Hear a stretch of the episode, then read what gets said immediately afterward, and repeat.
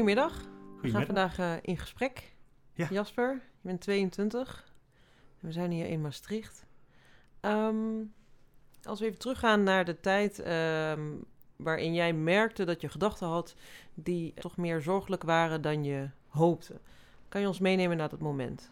Ja, ik, eh, dit was eh, in, de, in de middelbare school aan het einde van mijn, van mijn VWO-opleiding. Ehm, ik had heel veel gedachten, wat heel erg over sociale contacten ging, dat mijn vrienden me misschien niet echt mochten. Ik wa- was heel erg wantrouwend eh, in die opzichten. En ehm, nou, dat had ik al een tijdje, maar dat had ik eigenlijk nooit opgemerkt als nou, dat dat slecht was of dat dat niet, niet, niet zo hoorde of dat het beter kon. En pas eigenlijk toen ik ehm, een goede, nou ja, goede relatie had met een, met een vriendin van mij, ehm, waar wij heel erg vertrouwelijk met elkaar omgingen, waar, waar ook elkaars geheimen eh, vertelden en zij ook zorgelijke dingen aan mij vertelde, kwam ik er eigenlijk pas achter van, oh, wat ik heb is misschien ja, wel, wel, iets waar ik iets aan kan doen. Dus ik probeerde haar ook eigenlijk ehm, nou ja, te ondersteunen en te motiveren om psychologische hulp te zoeken. En toen ik daarmee bezig was, toen kwam eigenlijk een lichtje bij mij branden van... hé, hey, misschien moet ik dat ook wel doen. Dus eigenlijk door het gesprek met een ander eh, merkte jij van... eh, merkte je daardoor ook de zwaarte van, van de gedachten die je had? Of kreeg je dat juist terug van die vriendin? Eh, deels, ja. En ik denk ook gewoon het, eh, het zien dat andere mensen ook zulke problemen hebben. Dat ik niet eh, de rare persoon heb die zich aan aan het stellen is. Maar dat iemand anders ja, ook zo kan voelen. En wat voor gedachten had je toen de tijd? Ehm, nou, ik had het dus over, vooral over mijn vrienden. En ik, ehm, ik dacht eigenlijk dat zij gewoon beleefd tegen mij waren. Dat zij mij niet per se mochten. Dat ze ehm, ja, me eigenlijk alleen maar accepteerden dat ik er was. Maar dat ze geen echte band met mij hadden. Ehm, vooral was dat dat ik ehm, ja, heel veel ervaringen had. ehm, waar bijvoorbeeld mijn vrienden me vergeten waren op bepaalde feestjes of me niet hadden uitgenodigd. En dat ik dat heel erg op mezelf nam en dat ik heel erg begon te denken van, ah, kijk, zie je, ik heb gelijk, ze mogen me niet. En daarop ging ik dan ook weer, nou ja, heel erg eh, negatief reageren. Waardoor eigenlijk ik mijn, eh, mijn eigen voorspellingen waar maakte. Want doordat ik eh, nou ja, een beetje passief-agressief aan het reageren was, ja, waren zij ook niet open om met mij te gaan praten. En toen dacht ik van kijk, dat is weer een bewijs dat ze mij niet eens zien dat ik het slecht heb. Terwijl ze waarschijnlijk me- het wel zagen, maar gewoon niet op deze manier wilden gecommuniceerd mee worden. Ja. Want kan je zo'n kan je zo'n moment, zo'n situatie benoemen waarin dan jij het gevoel had dat jouw gedachten of jouw negatieve gedachten werden bevestigd? Ja, dus ik was een keer ehm, op een examenreis naar Mallorca met mijn vrienden. We waren met een groep van, eh, van een stuk of twaalf. Ehm, en eh, we hadden, zaten in een hotel waar je eigenlijk all-inclusive eh, had, waardoor je ook nou ja, s'avonds gewoon daar kon eten in het restaurant van het hotel. Nou, ik ging daar net voordat we gaan eten, ging ik douchen. En ik eh, hou wel van iets langer douchen dan normaal. Eh, en blijkbaar toen ik daar aan het douchen was, toen ehm, waren al mijn vrienden gaan eten. Die, eh, het was tijd voor avondeten, dus zij gingen er naartoe. Eh, en ze hadden dus niet beseft dat ik er niet bij was, omdat ik nog in de douche zat. Ehm, dus toen ik uit de douche kwam, zag ik dat iedereen weg was. En bij mij, ja, ging, ik wist al meteen van oké, ze zijn gewoon al naar, eh, naar het restaurant gegaan. Ehm, en daar voel ik natuurlijk heel slecht over. Want ik denk van ja, zij, ze weten niet eens dat ik er niet bij ben. Ben ik zo, ben ik zo misbaar voor ze? Kan, hoef ik, ja, weet, weet je wel, dat zijn die gedachten die dan door mijn hoofd gaan. Ja, toen ik dan kwam eh, bij het restaurant, was ik niet zo blij. En ehm, was ik heel passief-agressief, zoals ik zeg, met helemaal een beetje, beetje allemaal zuchten en mijn ogen rollen. Ehm, ze waren allemaal wel positief dat ik was van, hey, leuk dat je er bent. Oh ja, we waren je vergeten en zo. Oeps, heel, heel, heel luchtig voor, voor hun. Maar voor mij, ze hadden niet door dat het voor mij heel erg was. Uh, maar ik liet dat ook dus niet nou ja, zien. En omdat zij dus niet reageerde tegen mij van, oh, je, ik merk dat je het heel erg vindt, dacht ik van, kijk, ze, ze mogen het niet en ze zeggen alleen maar al die fijne dingen omdat uh, ze beleefd zijn, omdat zij gewoon aardige mensen zijn en niet omdat ik belangrijk voor ze ben. Nee, dus je voelde dit, en, en je zegt van, ik voelde me uh, naar. Wat, wat, wat, wat uh, kan je die gevoelens beschrijven die dat jou gaf, deze situaties? Ik denk heel eenzaam. Ja, het voelt alsof, uh, ook al ben je omringd door mensen, voel ik me nog steeds zo alleen. Ja. Eh, en dat is een heel naar gevoel om bewezen te hebben voor, jou, voor jouw gevoel. Omdat je daar constant mee bezig bent, elk minuut van de dag. Want elk minuut dat je niet bij mensen bent, voel je je eenzaam. Maar ook als je bij mensen bent, voel je je eenzaam. Omdat ik dan denk dat zij maar ja, voor de beleefdheid met Ja. mij omgaan. Ja. Eh, dus dat is een heel nagevoel. Natuurlijk zit er ook heel veel verdriet achter. En een kleine, een kleine portie boosheid natuurlijk. Denk van waarom, waarom kunnen jullie niet gewoon beter zijn? Weet je wel, dat, dat zijn die gevoelens Ja. die je dan heel automatisch krijgt. En je zei eigenlijk al treffend van, hè, ik, ik reageer dus passief-agressief. Dus ik, ik heb een bepaalde houding op het moment dat ik dan weer met hun geconfronteerd word. Of met een situatie die je in je hoofd eh, bevestigd ziet.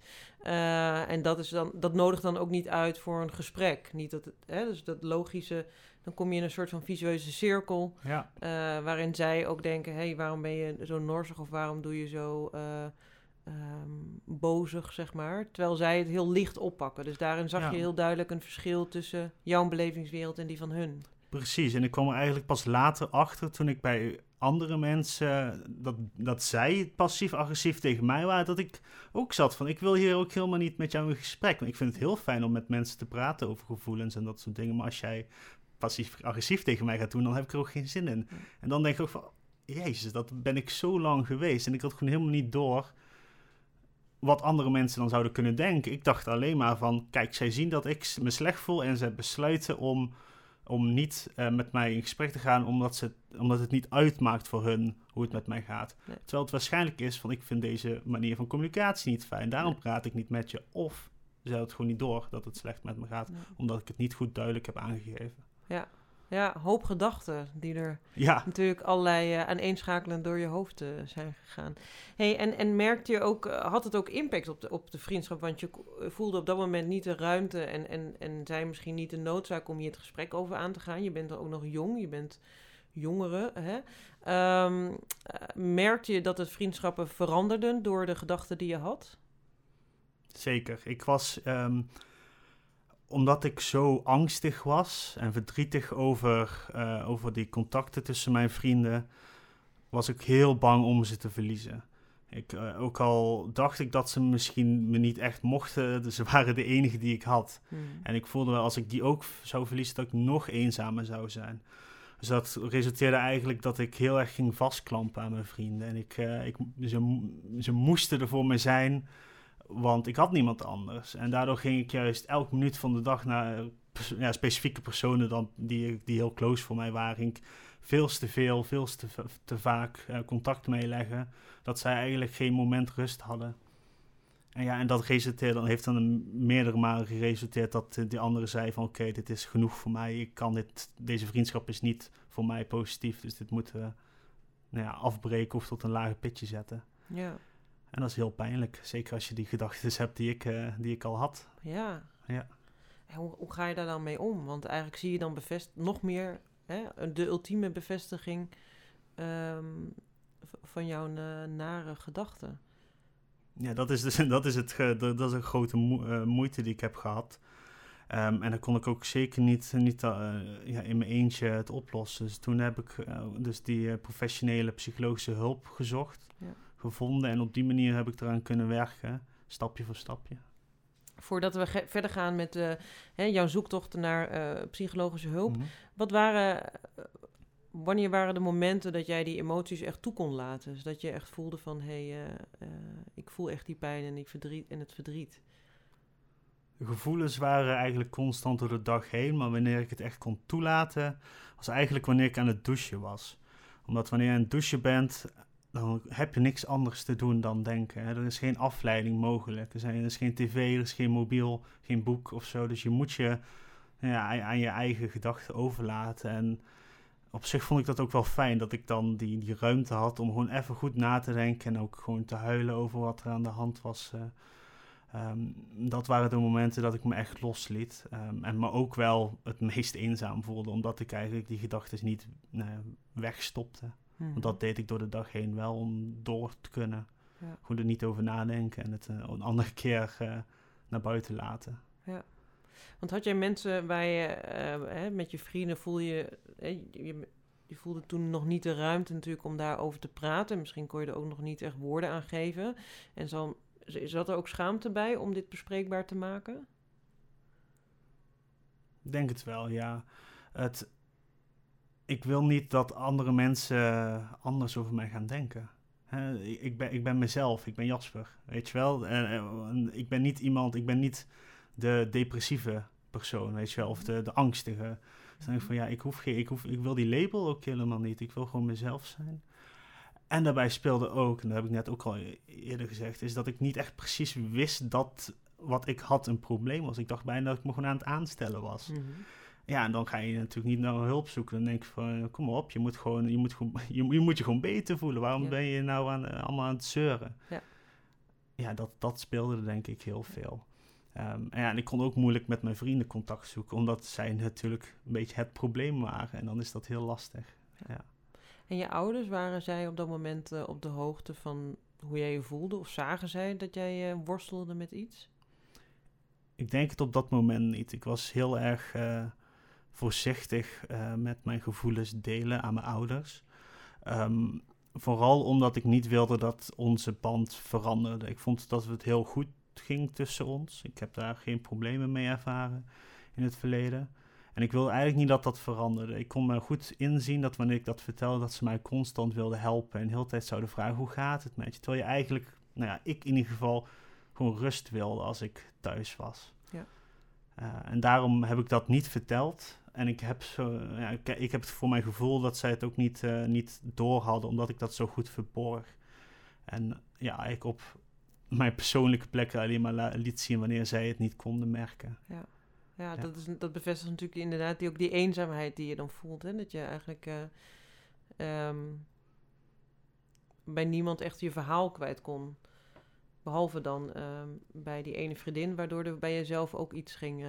Precies, ja, dat was de eerste keer dat ik eigenlijk heel erg open kon zijn. Mm -hmm. um, omdat onze vriendschap eigenlijk daarmee begon. Wij, wij, hoe wij elkaar hebben ontmoet is dat zij het kleine zusje is van een goede vriendin van mij. Mhm. um, en uh, toen mijn ouders waren gescheiden in uh, 2015 of 16, toen was ook zo dat haar oma gestorven was. Dat was haar eerste overlijding in de familie. En we konden elkaar op die manier vinden, omdat wij allebei wel iemand even nodig hadden. Mm -hmm. En omdat dat het begin was eigenlijk van onze vriendschap, al zo emotioneel en zo close, konden we dat heel makkelijk ja, in stand houden. En hoef ik niet bang te zijn dat zij anders over mij zou denken als ik dingen zou zeggen. Want dit was het enige wat zij wist over mij. Ja. En op die manier konden wij heel open zijn en onze emoties vertellen. En nou ja, zo is het balletje bij ons allebei gaan rollen dat we misschien toch wel hulp nodig hadden. Ja, goed. Hey, en toen was je, toen was je uh, eh, 18 en je woonde op kamers. Uh, Hoe is die zoektocht naar psychologische hulp gegaan uh, voor jou? Ja, want ik was, ik was inderdaad verhuisd naar Maastricht vanuit, vanuit Brabant voor mijn studie.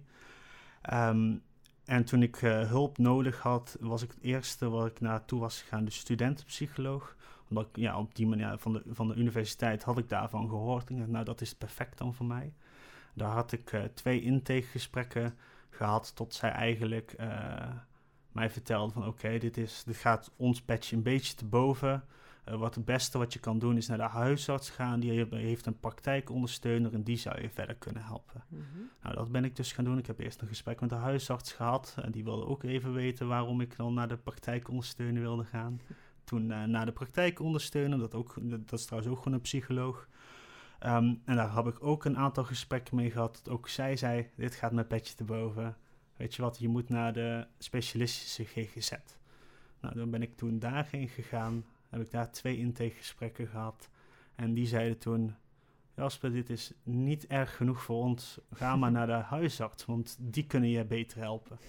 nou, ik dacht, daar ben ik net geweest. Ja, daar kom ik net vandaan. Wat ja. een uh, kastje muur. Klopt. Ja. En dit was inmiddels uh, zo'n zes maanden sinds ik voor het eerst de afspraak had gemaakt met de studentenpsycholoog. Dus het heeft zes maanden geduurd voordat ik nou ja, weer terug bij af was. Ja. En toen ben ik nou ja, nogal boos voor mijn doen geweest. Omdat ik echt zat van, ja, dit gaan we echt niet doen. Ik ben al zo lang bezig. En ik dacht dat ik hier mijn plek had gevonden. En jullie sturen me weer terug. Nou, uh, door die uh, uitbraak, die emoties...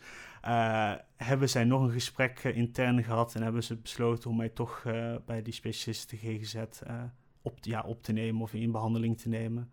Dus toen heb ik daar toch wel therapie kunnen krijgen. En dat is heel fijn dat ze dat hebben kunnen regelen. De zes maanden zoek je dus naar de juiste plek waar jij terecht mag komen om verder te praten. Hoe, hoe gingen die gesprekken?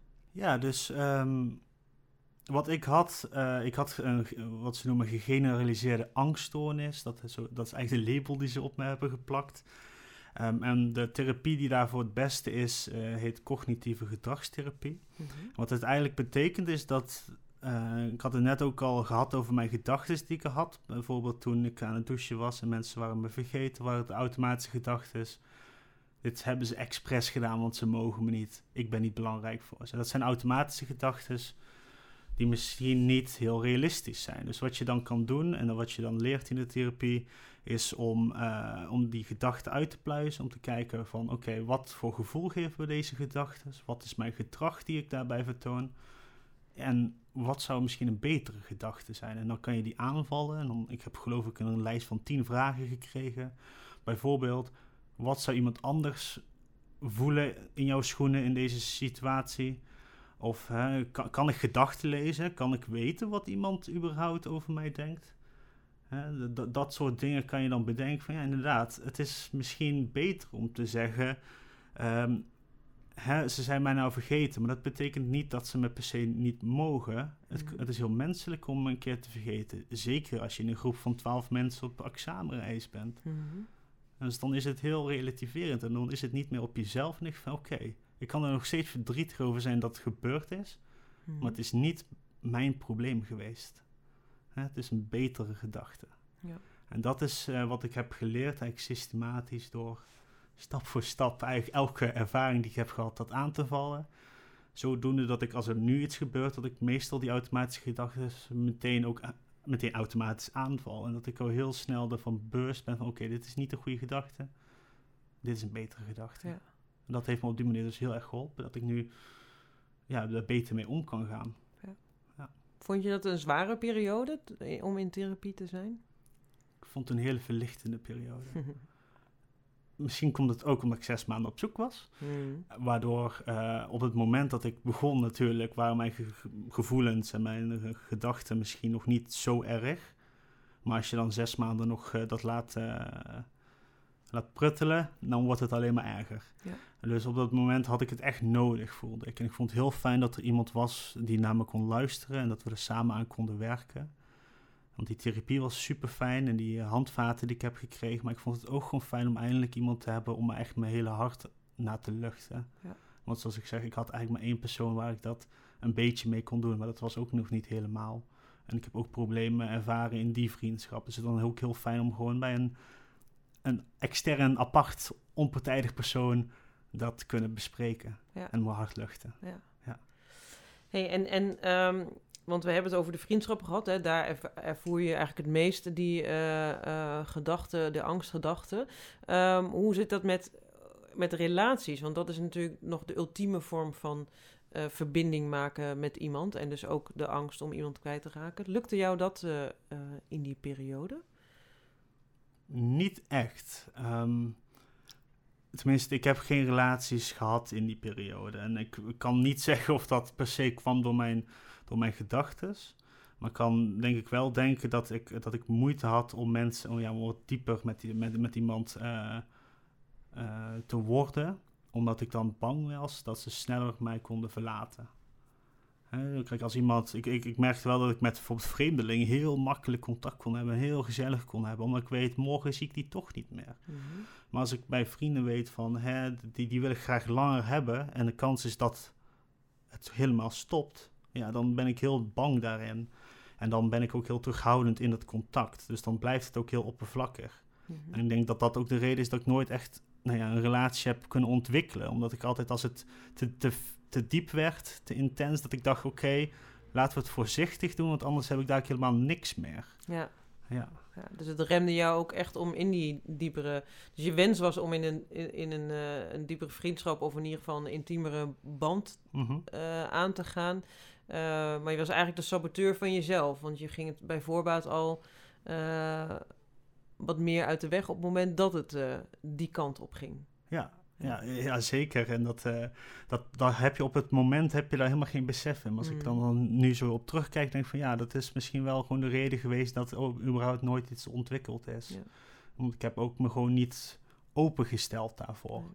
En dan denk je ook bij jezelf, en dan zijn die weer terug op die gedachten van, oh, niemand vindt me leuk, want ik krijg geen relatie. Maar als je dan terugkijkt, is het toch misschien gewoon bij jezelf dat dat de reden is geweest. Ja, ja.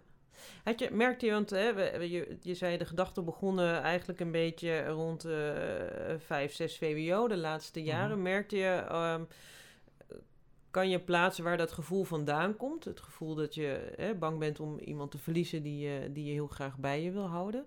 Had je dat in je, in je kindertijd of in de basisschoolstijd eh ook ja, ik kan wel zeggen dat ik eh, op de, in de basisschool en eigenlijk ook de eerste drie jaar van mijn middelbare school, dat ik best wel een, nou ja, een alleen kind was. Als in, ik werd vaak buitengesloten, ik werd gepest. Ehm, ik had niet veel vrienden. Maar ik kan je wel vertellen dat op dat moment ik het dat helemaal niet zo erg vond. Mhm. Dat was voor mij allemaal prima. Het- ik hoefde geen, niet zo heel veel vrienden. Ja, het pesten, oké, iets, min, iets minder leuk. Mhm. Uh, maar ik denk dat ik zelf ook wel kattenkwaad heb uitgehaald in die tijd. Um, maar pas toen ik eigenlijk in de derde, vierde klas van mijn middelbare school een hele fijne vriendengroep ontmoette. Toen werd pas eigenlijk alles nou ja, gerealiseerd in mijn hoofd. Van kijk, dit, dit is hoe het kan. Mhm. Ik wil niet meer terug naar hoe het was. En ik denk dat daardoor, dat besef dat, dat, dat, dat dit zo fijn is en dat ik dat niet wil verliezen, dat ik daarom heel intens die gedachte had van elk bewijs dat zij mij toch niet leuk vonden, dat ik daar heel erg mee bezig was. Ja. Omdat ik bang was dat ze me niet leuk vonden. Ja. Omdat ik het zo fijn vond om die vrienden te hebben Ja. om, me heen. Ja. Ja. ja, je had iets kost, voor je gevoel iets kostbaars in handen en dus eh, mocht je dat niet meer eh, verliezen. Precies. Ja, Hey, en eh, je, bent toen, je hebt toen het traject gehad eh, bij de psycholoog. Ehm, heb je daarna nog andere vormen van hulp gevonden? Omdat je, je hebt natuurlijk een aantal sessies die je dan eh, Ja. hebt. Kan je daar iets meer over vertellen? Ja, dus je hebt een, inderdaad een eh, maximum aantal, zeg maar, wat de verzekering vergoedt. Ehm, en ik was met de therapie was ik heel goed bezig. Hè, met wat ik net vertelde over het eh gedachteaanvallen. Maar het hard luchten, het gewoon vertellen over mijn week, over hoe ik me voel, over wat, eh, wat fijn is gegaan, wat slecht is gegaan. Dat vond ik heel fijn om door te zetten. Maar ja, dat zou ik missen wanneer de therapie stopt. Want ik had nog steeds niet echt bepaald veel vrienden waar ik eh, echt op kon bouwen op die manier. Mhm.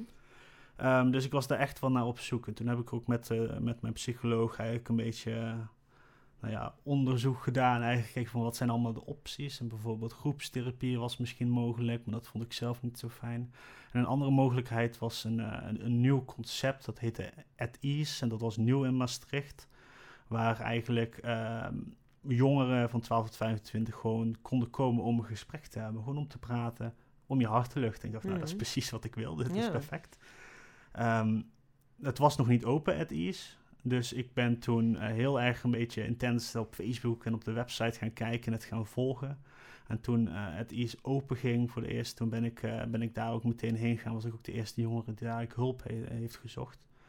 En ik bedoel, dat was, dat was eh, super fijn ervaren, want je zit dan eigenlijk met twee andere jongeren voor je. Dus vrijwilligers die dezelfde leeftijd hebben of die eh, ervaringsdeskundigen zijn. Dus niet zo'n professional die 20 jaar heeft gestudeerd om jou te helpen en zonder dat er een doel van behandeling of diagnose was. Dus dat was heel fijn, want ik kon er gewoon heen wanneer ik wilde en gewoon praten over ja, wat ik wilde eigenlijk. En dan konden ze mij zelfs ook nog advies geven en ik voelde me echt gehoord. Ja, Ja. wat fijn.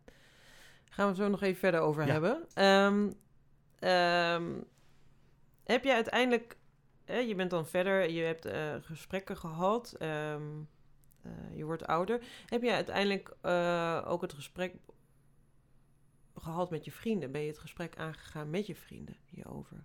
Ja, uiteindelijk wel, ja.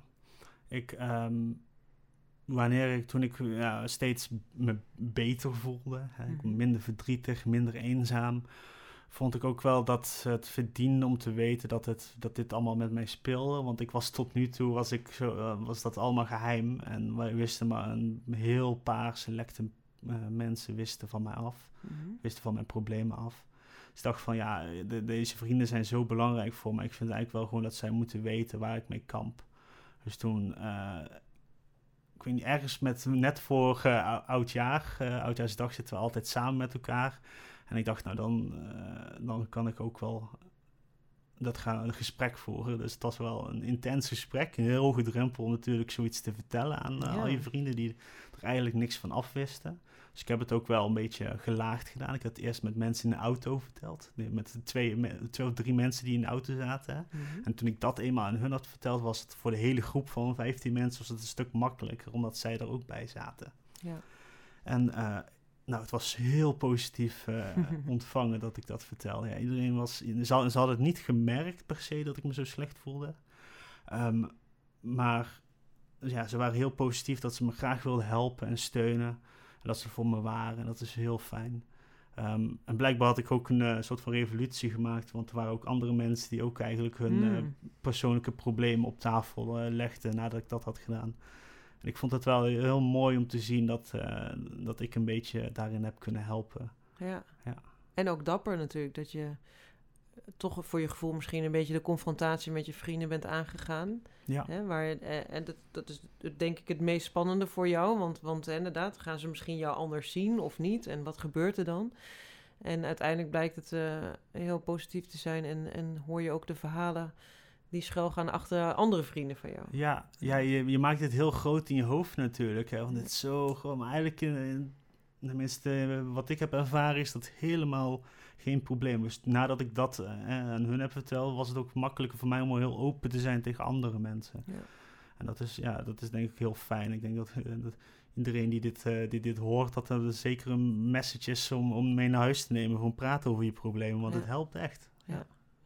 Daar haalt de zwaarte er een beetje vanaf. Ja, Ja. precies. En, en hoe gaat het nu met jou? Dit moment een stuk beter. Hè. Ik heb die therapie gehad en ik heb eh, heel veel gesprekken kunnen hebben. En dat heeft me heel erg geholpen om nou ja, de problemen die ik had eh, te, weer eh, te helpen. Maar ik, ik heb wel gemerkt dat wel deel van die psychische problemen nog wel een beetje blijven. Mhm. Ehm, ik heb af en toe problemen met die gedachten en met automatische gedachten die negatief zijn. Daar heb ik nog steeds problemen mee. Ik voel me nog steeds redelijk wel wat eenzaam. Ik heb vorig jaar heb ik ook een eetbuisstoornis ontwikkeld.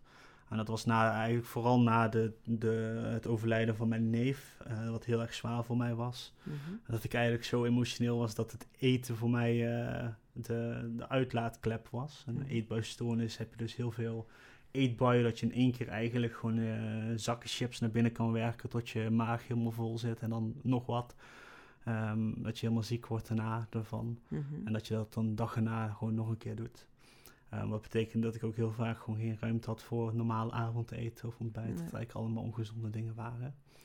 Ehm, dat begon heel subtiel, maar dat is, eh, ja, dus langzaam is dat steeds erger geworden tot ik eh, aan het, ja, na een aantal maanden, dat inderdaad wat ik net omschreef, dat ik echt elke dag een eetbui had.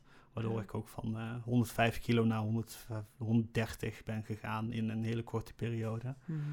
Ehm, ja, dus dat is iets waar ik, eh, waar ik wel mee kamp. Ik heb daar ook weer opnieuw therapie voor.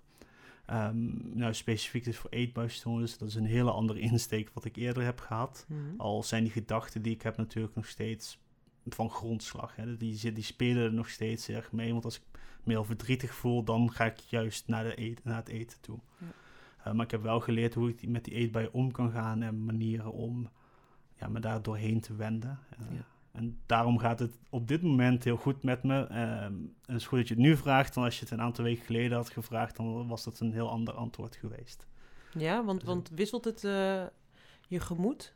Nou, ik heb vooral dus eh, eigenlijk dat ik pas merk eh, sinds een maand of twee geleden dat het echt goed gaat en dat ik die eetbuien niet meer heb. Ik heb nu al een maand lang geen eetbuien meer. Dat is goed. Ja. Ehm, en dat was dus voorheen was dat een stuk moeilijker om. Ik had misschien wel wat meer controle, maar het bleef er nog steeds in zitten. En Ja. ik heb dus nu sinds een maand echt die, nou, het gevoel dat ik wel echt gewoon compleet controle heb over de eetbuien. Ja. Besef me wel dat het heel makkelijk terug kan komen. Dus ik ben daar wel zeg maar, op, loer, op de loer voor. Maar het gaat goed met me nu. Ja. hey, en, en, en, en toen jij dus voor het eerst zo'n eetbui had, realiseerde je van, hey, was je meteen van, hey, dit, dit gaat niet goed? Of, of hoe, eh, hoe ging dat proces? Absoluut niet. Ik wist, omdat het zo soepel gaat. Het is niet dat je meteen begint met een hele zak chips. Het is gewoon. ehm, ik was dan aan het werk en dan kom je thuis. Of dan ga ik even naar de winkel. En dan nam je toch eventjes een, eh, een zakje drop mee of zo. En dat, eh, dat at je dan langzaam op eh, tijdens de avond. En dan denk je van oké, dat is nog niet zo heel problematisch. Misschien niet zo heel gezond, maar eh, het kan. Mhm. Ehm, en dan doe je dat een aantal dagen later weer. Ehm, en dan denk je van, oh, dat is ook prima. Mhm. En dan merk je nog niet van. En dan uiteindelijk gaat, wordt dat steeds erger, waardoor je uiteindelijk twee pakken of twee zakken drop pakt. En die Mhm. ook meteen achter elkaar legt. Want als je eenmaal bezig gaat eet, dan ga je maar door. Dus dan, dan pas, toen pas merkte ik van, hé, hey, dit, dit is wel echt een probleem. Want ik eet veel meer dan normaal. Ik ben, ik was over het algemeen trouwens nooit zo heel gezond. Vandaar dat, dat we begin misschien ook dacht van, oké, ik ben nog gewoon eventjes ongezond. En het mag wel, want mijn neef is net overleden. Ik mag Ja. verdrietig zijn, het mag wel. Ja. En dat is heel een soort van automatisme geworden. Ja. Ik, eh, na een aantal maanden was het helemaal niet eens dat ik nog steeds aan het rouwen was voor mijn neef of zo. Ik was gewoon aan het eten omdat ik het normaal was om, voor mij om zoveel te eten bijna. ja. Normaal als ik me even slecht voelde om meteen naar het eten te grijpen en zo. Want, eh, en, en, en je zei van op een gegeven moment merkte ik wel van, hey, dit gaat niet helemaal goed. Eh, je komt ook aan en, en, eh, en het is niet gezond, of in ieder geval niet normaal gedrag in die zin. Ehm, wanneer trok je aan de bel? Al best wel snel. Ik denk, ik, ik denk dat ik, eh, voordat het echt heel extreem was, dat ik al door had, oké, dit hier moet hulp eh, Ja. aan te pas komen. En dat komt natuurlijk ook omdat ik eerder therapie had gehad. Ja. En ik weet dat eh, als ik het eerder aan de bel toen had getrokken, dat het misschien ook, ook beter was. Dus ik denk, ik ga er meteen bellen. Ja. En ik weet ook hoe lang de wachttijden zijn. Hmm. Dat kan ik beter vroeger dan later doen.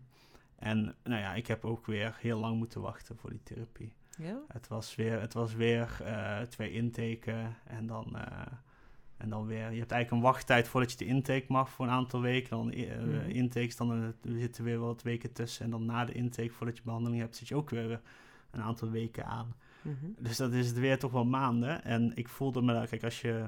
In de eerste tijd was het heel moeilijk om, te, om met, met mijn gevoelens, mijn eenzaamheid te dealen. Maar er waren verder geen erge gevolgen dat het langer duurde. Nee. Maar dit was, vond ik heel problematisch. Want hoe langer ik geen therapie had, hoe meer ik eetbui had, hoe meer ik aankwam. Ja, ja. Hoe meer eh stretch marks ik kreeg, hoe slechter ik over mezelf voelde. Ja.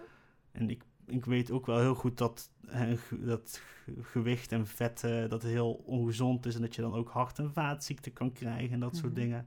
En ja, daar was ik dan heel erg bang voor. Maar ik kon er zelf geen controle over hadden. En al die tijd moest ik gewoon wachten tot Ja. ik eindelijk aan de, aan de beurt mocht komen. Ja, ja dat, is, dat is heel verdrietig, want je, zit dan, gewoon- je ziet jezelf ehm, zieker worden of hè, jezelf Ja. ook zieker maken en, en je hebt daar geen controle op. Hè. Je, doet ook, je studeert geneeskunde, dus je weet... eh, maar ja, dat is allemaal ratio en gevoelsmatig eh, lukt het dus niet eh, helemaal om daar grip op te krijgen. En Precies. uiteindelijk heb je dus hulp gekregen en, en hoe, eh, hoe ging dat?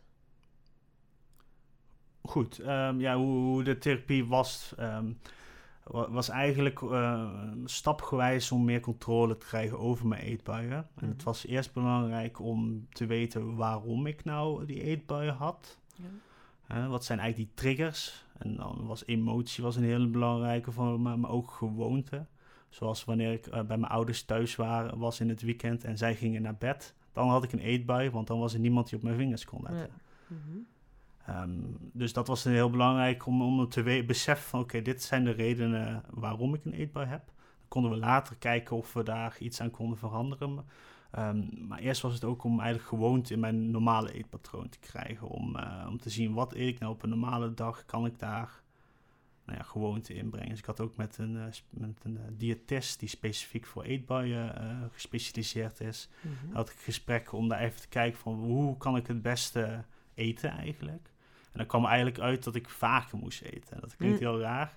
Maar ik at uh, dan s ochtends of uh, s middags lunch en dan heel lang voordat ik avond ging eten. Mhm. En dan had ik zo lange tussentijd dat ik honger begon te krijgen. En als ik dan honger had, dan ging ik een eetbui krijgen. Ja. Als ik nou had geluncht, dan een, een uur of twee later een kleine hap nam, Ja. had ik geen honger en kon ik ook geen eetbui krijgen. Dus op die manier kon ik daar langzaam aan werken. Het was moeilijk om, dat, om daaraan te houden. Mhm. Ik had ook een eh, etendagboek, die ligt hier op mijn eh, bureau of op mijn eh, bed daar. Om helemaal bij te schrijven eh, wanneer ik precies wat at. Zodat je dan later met de therapie kon kijken van oké, dit ziet er goed uit. Of hier moet je nog, hier kun je nog aan werken. En dat scheelde heel erg voor mij om dat ritme te krijgen. Ja. Eh, daarnaast was ook, als ik nou een eetbuik krijg, wa- wat doe je er dan mee? Dus voor mij was het bijvoorbeeld om eh, te gaan wandelen. Ehm, omdat je dan even niet kan eten. Je bent even erg met iets anders bezig. Je bent weg van al het eten. Ehm, ik nam ook vaak wat pepermunt. Want pepermunt, ja, het is niet su- super gezond. Maar het is wel iets wat je heel lang in je mond hebt. En waar je dan niet iets anders mee door kan eten. Hè. Je Mhm. bent een half uur ben je ermee bezig. Ja, dan kan je geen eetbui hebben. En dan na een half uur dan is dat gevoel, die stress dat je een eetbui wil hebben, gaat dat ook heel vaak weg. Ja. Ehm, daarnaast ook gewoon een eigen noodplan, zoals met vrienden eh, appen van. Of ik heb zelfs eh, advies gekregen om misschien je pinpas weg te geven, Mm. zodat je geen, niet eh, naar de winkel kan. Ja. Dat was voor mij nog te extreem, maar wat ik wel heb gedaan is dan een boodschappenlijstje maken. Voor elke, als ik naar de winkel ga, dan weet ik precies welke dingen ik moet kopen. En dan ga ik niet eens langs de koekengang, weet je wel. Nee. En, als ik, en inmiddels, is, omdat het zo goed gaat, kan ik langs de koekengang gaan zonder überhaupt erover na te denken dat, Ja. ik, eh, dat ik iets ongezond zou kunnen kopen. En, en, en nu hoor ik ook dat je dus je vrienden ook daar wel eh, van op de hoogte hebt gesteld. Dus je hebt ze ook meegenomen in jouw proces. Dat is Ja. natuurlijk anders dan de eerste keer. eh. Ja, ik ben er, stu- ik ben er een stuk opener in geworden. Ja, dat zei ik al. Ja, ik, ik doe natuurlijk ook eh, dit soort dingen, zoals deze podcast. Ik schrijf ook artikelen voor mijn, eh, voor mijn studievereniging over ook mijn problemen. Mhm. Ehm, want ik wil graag ja, zoveel mogelijk mensen helpen, denk ik, met mijn ervaring. Ik denk dat mensen heel erg eh, geholpen kunnen worden als je hoort dat andere mensen ook in zo'n eh, situatie zitten. Ehm, en toen ik eenmaal van die eerste drempel eh, overheen was, toen was het heel makkelijk voor mij om dan door te gaan eigenlijk en eigenlijk alles te vertellen. Omdat ik ook merkte van, dit is heel fijn. Ja. Het is heel fijn om je hart te luchten. Ja.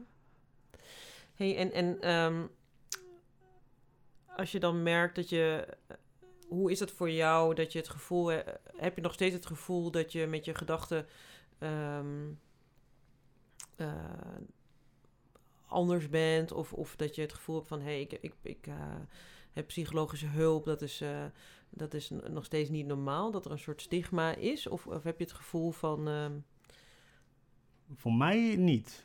Ik, ik ben me heel erg bewust dat het voor heel veel mensen is en dat dat een moeilijk onderwerp is om over te praten. mhm, Maar ik vind het totaal niet erg dat ik psychische problemen heb. mhm, Vorig jaar was ik op vakantie met een vriend van mij, had ik, daar, had ik heel intens eh, verteld. En ook alle specifieke details die ik ook hier niet bespreek nu. mhm.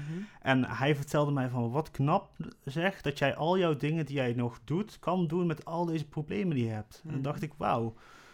Ja, eigenlijk mag ik best wel trots zijn over wat ik allemaal heb eh, volbracht en hoe Ja. goed ik het doe. Dus waarom, is de, waarom moet ik dit zien als een probleem? ik, Mhm. ik zie dat eigenlijk als juist een kracht. Ik kan, het kan voor mij slecht gaan en ik kan er overheen komen. Ja, en je kan daarnaast nog een studie doen en vrienden hebben. Precies, En, ja, ja. ja, dus, dus weet je, het is voor mij geen, eh, geen probleem dat ik deze eh, psychische klachten heb. Nee.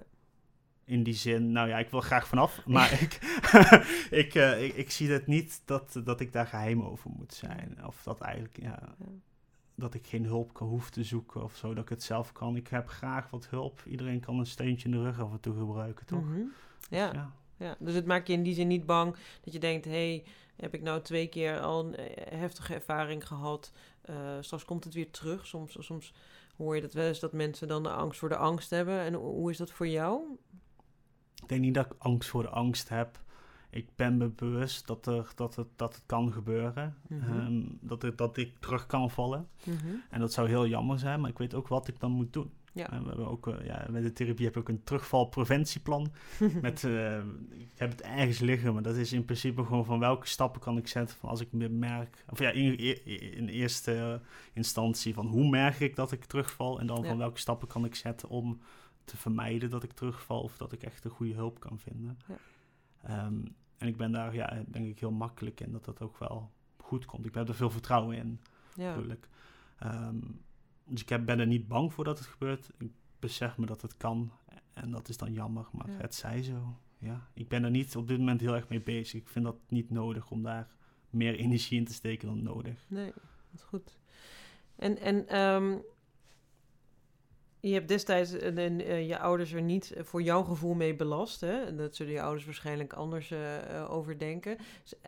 Zijn je ouders inmiddels op de hoogte hoe het met jou gaat? En, en, ehm, Ja, klopt. Ja, ik, ik had verteld dat ik, dat ik artikelen schreef voor mijn studievereniging. mhm. En eigenlijk op die manier heb ik het gesprek aangegaan, ben ik het gesprek aangegaan met mijn ouders. Maar met mijn vrienden vond ik het wat makkelijker eh, om een van de reden. Omdat ik denk ik mijn ouders ja, toch wat belangrijker zijn voor me. En ik wil niet dat dingen veranderen en dat soort dingen. En ik vond dat eh, nog moeilijker om als kind, denk ik, eh, zulke... Dat ik me kwetsbaar moest opstellen bij, mijn bij mijn ouders. Dat was een stuk moeilijker voor mij. Mhm. Ehm, dus wat ik eigenlijk had gedaan, ik had een artikel geschreven over eten en ook over dat ik een eetbuisstoornis had. Mhm. Ehm, en dat wordt gedeeld op Facebook en dat hebben mijn ouders dus eh, ook gelezen. Ja, toen ik dan terugkwam voor het weekend, dan wist ik ook al van oké, het gesprek kan beginnen. Ja, Ehm, want dat was het moeilijkste voor mij, hè, dat, die drempel om gewoon te beginnen met het gesprek, om dat te zeggen, lui, hè, om mijn ouders eigenlijk bij wijze van heel serieus neer te zetten en zeggen, ik heb een probleem. Dat, Mhm. dat vond ik heel moeilijk. Dus door Ja. te eigenlijk, nou ja, gewoon een heel indirect hè, dingen te typen en die worden dan op een gegeven moment geüpload. Ja. Om, dan werd dat gesprek al begonnen zonder dat ik eigenlijk heel direct dingen hoefde te zeggen. Dus toen ik kwam was het al voor mij heel makkelijk van om te zeggen, hé, hey, jullie hebben wat ge- gelezen, laten we Ja. erover praten. ja. Ehm, en op die manier heb ik toen dat gesprek, ben ik dat gesprek aangegaan. En eh, ja, mijn ouders eh, waren heel, ook heel positief vonden. Ze hadden met mijn eetbuisstoornis hadden ze wel wat eh, gemerkt. Met mijn gedachten over mijn vrienden niet. Maar eh, zij merkte ook wel dat eh, eten verdween uit de koekkast. En Mm. dat ik aan, aan het komen was. Ja. Dus dat hadden ze wel gemerkt. ehm, maar hadden ze toen nog niet aangegeven. Omdat ze ook wilden dat ik het eigenlijk uit mezelf zou zeggen. Ehm, ja, en dat is ook heel positief gegaan hoor. Ja. Mijn ouders zijn wel een, be- een beetje veranderd in de zin dat ze af en toe vragen van hoe gaat het nou met jou? Maar ik heb wel mijn grenzen aangegeven. Van, ja, dit moet je niet te vaak vragen, want dat vind ik gewoon niet fijn. Ik wil gewoon dat het normaal gaat Ja. tussen ons twee. En dat mijn psychische problemen niet per se eh, moeten veranderen aan onze relatie. Dus dat, dat het niet heet het aan de orde is, dat, dat er heet het daarover hoeft te gaan. Precies, want dan word je ook heel de tijd eh, aan herinnerd aan je problemen. Mhm. En soms dan wil je gewoon gezellig eten met me of een gezellige serie kijken. Je wil niet Ja. de hele tijd over je problemen praten. Want dat is natuurlijk ook, ja, het kost gewoon heel veel energie om Ja. zo kwetsbaar te zijn. Ja, ja. Hey, en ik, ik hoor je zeggen van, eh, ik wil gewoon dat het normaal blijft. Wat, wat is daar, eh, wat, wat betekent dat voor jou? Dat, eh, dat, dat zei je ook in relatie tot je vriendschappen. Ehm, wat is daarin zo belangrijk voor jou? Ja, ik, ik, ik, wil niet dat, ze de, de, dat er heel veel aandacht aan, ges- aan, aan ge- gesteekt wordt, denk ik. Ik, eh, ik ben met mijn eigen problemen bezig door de dag heen. Mhm. En ik, als ik dan bij mijn vrienden of bij mijn ouders ben, dan is dat even een pauze. Dus even aan iets anders denken. Ja. Meestal positieve dingen. En om dan weer het heel dit terug te gaan naar waar ik al de hele dag mee bezig ben, Ja. dat is niet fijn. Nee. Ehm, en ook al hoeven zij dat niet direct altijd aan mij te vragen, maar ik was ook bang dat het feit dat zij ervan weten dat ze er ook over na aan denken waren. Hè? Dat ze aan het nadenken waren van oh, misschien gaat het niet zo goed met Jasper. En dat zou ik ook al moeilijk vinden. Oh ja, dat, dat, Dat is- zij belast zijn met hoe het met jou gaat, bedoel je? Ja, precies. Hè? En dat ik dan, en dan was ik daarover aan het nadenken, over Oh, wat ja. zij misschien over mij zouden kunnen denken. Hele ja, complexe gedachtegangen die ik had daarover en angsten. Maar dat slaat dus ook terug op mijn, met mijn vrienden, dat ik dacht dat zij mij niet mochten, omdat ik eigenlijk hun gedachten aan het lezen was.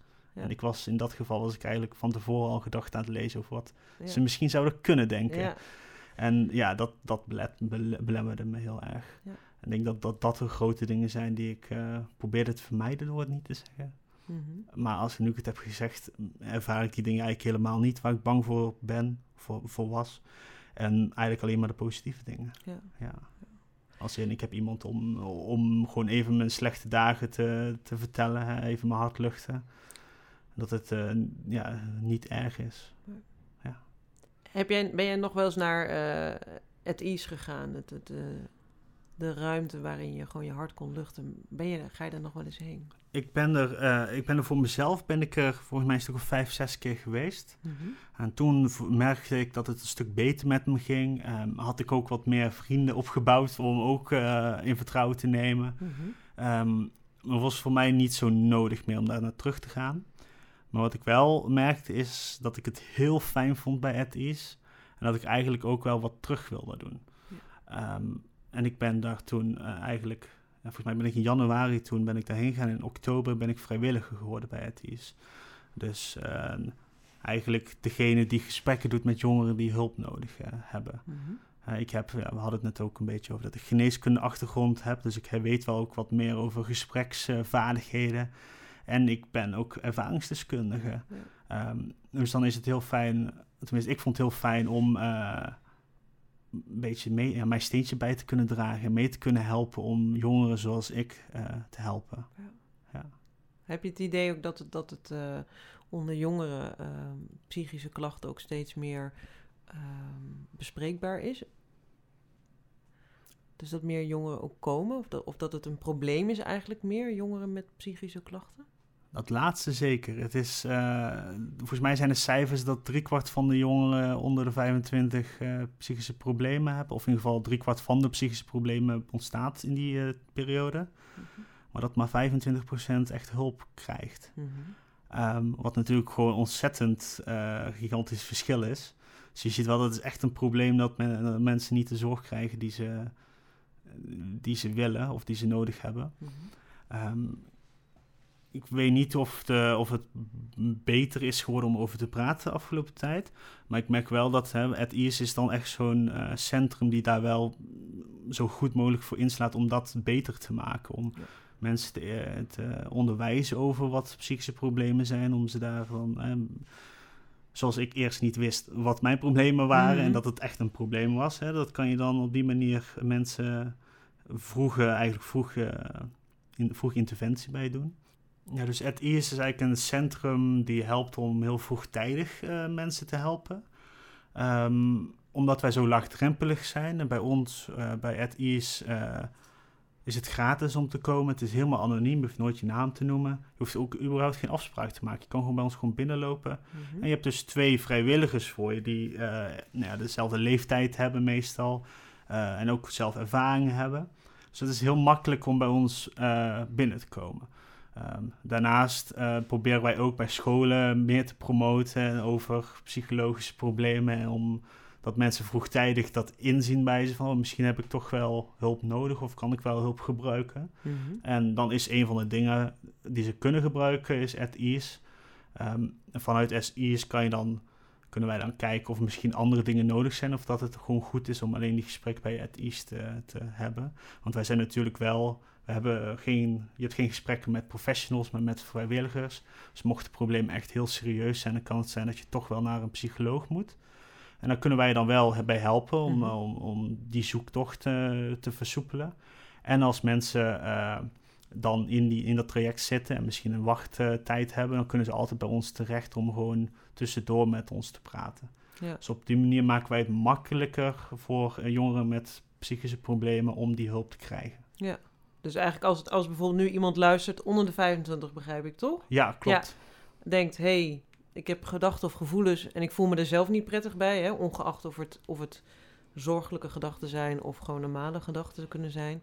Dan kunnen ze altijd eh, binnenlopen en eh, nou, wat jij al zo mooi zei, gewoon alleen al hun hart luchten, dat, dat haalt, al heel veel, eh, haalt al heel veel weg. Precies. En dan, Ja. mocht je nou 26 zijn of 27, dan doen we er echt niet moeilijk over. Dan mag je ook binnenkomen. Zeker, want eh, ik zeg het is anoniem, je hoeft je leeftijd niet eens te doen. Nee. Maar als je nou echt, eh, als je echt bejaard eruit ziet, eh, dan is Ja, het misschien dan, wel eventjes ja, van wat, wat doe je hier. Maar Ja. voor de rest kom, kom gewoon binnen. En ehm, we, hebben, we zijn ook online voortaan met de coronatijd. Dus je kan ook met ons chatten als je Ja. op onze website van het IS gaat kijken. Ehm, dus dan kan je gewoon hulp, hulp zoeken en dan kan je inderdaad laagdrempelig gewoon praten over je probleem. En de meeste vrijwilligers hebben ook hele mooie adviezen voor je af. Ja. Eh, want sommige mensen komen gewoon met eh, problemen met van, ja, wat moet ik hiermee? Hè? Ja. Kan, kan jullie me, kunnen jullie me helpen? En dan ga ik niet zeggen van, ik, nee, geen, nee, we geven geen behandeling. Nee, Nee. nee. Dus dan ga ik gewoon eh, natuurlijk meedenken en dan kan je ook een beetje sparren over je gedachten. Ja. En ik merk dat mensen dat heel fijn vinden om gewoon gehoord eh, te worden. Ja, wat fijn. Even terug naar jezelf. Wat zou je Mhm. graag eh, nu voor jezelf eh, zien de aankomende tijd? Zijn er dingen die je wil verbeteren? Of, of, of ga je goed en wil je dit voortzetten? Hoe, eh, hoe sta je erin? Ik denk dat er zeker dingen zijn die ik aan mezelf wil verbeteren. Ik denk dat een belangrijk ding wat terugkomt op mijn psychologische problemen is dat ik wat meer de diepte in wil gaan met vrienden. Want ik ervaar nog steeds dat ik nog steeds die angst heb om echt eh, ja, om mensen te verliezen doordat ik eh, te intens ben. Dus ik ben ook heel terughoudend met mensen. Als mensen nou zeggen van, oh, we kunnen wel een praatje doen over jouw problemen. Ik wil graag luisteren. Dan ben ik daar heel moeilijk in om dat te accepteren. Mhm. Ook al is dat natuurlijk heel mooi om te horen. Ik, ben dat, ik zeg dan nog steeds geen, niet zomaar ja, omdat ik bang ben dat ik dadelijk eh, in een cyclus kom dat ik te veel op ze, eh, te, veel, te veel aanhankelijk op ze ben. Mhm. Eh, dus dat wil ik graag verbeteren. Dat ik wat meer dieper contact met iemand kan hebben en dat ook durf te hebben. Mhm. eh, ja, zonder dat ik dan angst heb om ze te verliezen. En ik ben er toevallig ook nu aan het daten met, die, met iemand. En daar probeer ik ook zoveel mogelijk me open te stellen. En dat is wel, het is wel een uitdaging. Ik merk dat ik daar heel veel moeite mee heb. Mhm. Ehm, dus ik doe het wel langzaam, maar ik denk dat ik wel langzaam steeds beter ben om mensen te vertrouwen. Om Mhm. weer te vertrouwen en Ja. eh, wat closer te zijn met mensen. Ja. ja. Wat goed. En, en heb jij nog hulp op dit moment? ik heb op dit moment nog, eh, ik zit nog in die therapie van de eetbuisstoornis, Ja. maar die zit wel echt aan het einde van de therapie. Dus we zijn nu eigenlijk een beetje aan het uitspreiden. Ja. Want ik heb dus afgelopen vier weken geen eetbui meer gehad. Dus dat is heel mooi. En laten we dat zo houden, zeg maar. Mhm. Dus dan doen we die gesprekken eh, één keer per maand, zodat we even kunnen updaten hoe het gegaan is. Eh, daarnaast heb ik ook medicatie. Dat is een, officieel een antidepressiva, maar het speelt ook voor de eetbuien in. Ja. Ehm, ik ben er heel makkelijk in medicatie. Ehm, het is eh, medicatie in principe niet als... is eigenlijk gewoon additioneel op, de, op de therapie. Mhm. Uh, dus het geeft gewoon eigenlijk die, eh, tenminste voor mij, geeft het gewoon een extra boost om te werken aan die, zeg maar, het huiswerk wat ik krijg voor de Ja. therapie. Ehm, dus voor mij, ik vind het heel fijn om dat nu te hebben. Natuurlijk, uiteindelijk wil ik er wel van af, maar zolang het nu goed met me gaat, eh, wil ik er ook niet over nadenken om dat kwijt te raken. Want wie weet dat ik dan opeens weer terug eh, ga in mijn oude patroon. Hè, want, want, want waar zie je nog tegen dingen op? Dat je, hè, nu is het ook corona, dus Mhm. je hebt wat minder sociale eh, contacten, maar ook een ander eh, eh, ritme. Zijn er dingen die, je die je spannend vindt? Ja, ik heb de afgelopen maanden dat ik eigenlijk mijn eetbuisstoornis was ontwikkeld, tot het nu goed gaat, heb ik best, ben ik best wel vrij geweest in mijn opleiding. Ik deed een, ik deed een onderzoeksstage dat ik heel veel thuis kon doen. Dus ik had ook heel veel tijd om eraan te werken en voor mezelf. Mhm, Dus ik kijk wel ja, tegenop wanneer ik dadelijk weer fulltime ga werken. mhm. Eh, hoe neem ik dan de, de, de tijd voor mezelf eigenlijk? Hè? Hoe, hoe kan ik dat eh, inlassen? En hoe zorg ik ervoor dat ik niet zo ja, verzonken ben in mijn werk, denk ik, dat ik, eh, dat ik gewoon vergeet dat ik ook, ja, ook zelf problemen heb waar ik aan moet denken. En dat daarbij ook nog, denk ik, als ik dadelijk ga... Ik, zit nu, ik ben nu nog student, dus ik heb daar heel veel hout vast van eh, de universiteit en dat soort dingen. Als Ja. ik dat dan ook nog verlies daar wanneer ik moet werken, dan denk ik dat ik eh, heel weinig vangnet heb. En Ja. dat ik dat van tevoren goed moet gaan, eh, gaan bouwen binnen mijn eigen sociale kaart, zeg maar. Om Ja. daar mensen te hebben waar ik op terug kan vallen. Omdat ik dat dadelijk niet zal hebben. Nee. Dus daar kijk ik wel tegenop Ja, als dat daar gebeurt. ja. Dus, maar het is ook zo dat je zegt van, ik, je bent ik, ik merk ook dat je er bedacht op bent. Dus dat je wel weet van, hé, hey, dit zijn mijn valkuilen. Ja, Je hebt tools eh, in handen om, eh, om die valkuilen eventueel te... precies. En dat is ook weer een deel van die terugvalpreventieplan. Ja. Inderdaad, kijken van waar, wat kan er gebeuren dat het, eh, dat het fout gaat. Dus die therapie heeft me heel veel geholpen om echt te denken over mijn problemen. En nou ja, zelfs als het fout gaat, hoor, wat ik er dan mee kan doen. Ja. Dus dat is heel fijn. Wat goed. Heb je nog tips voor eh, andere volwassenen, jongvolwassenen, eh, die eh, misschien ook gedachten hebben waarvan ze denken: is dit normaal, is dit niet normaal? Of ook Mhm. adviezen, of wat is jouw ervaring en kan je die delen met hen?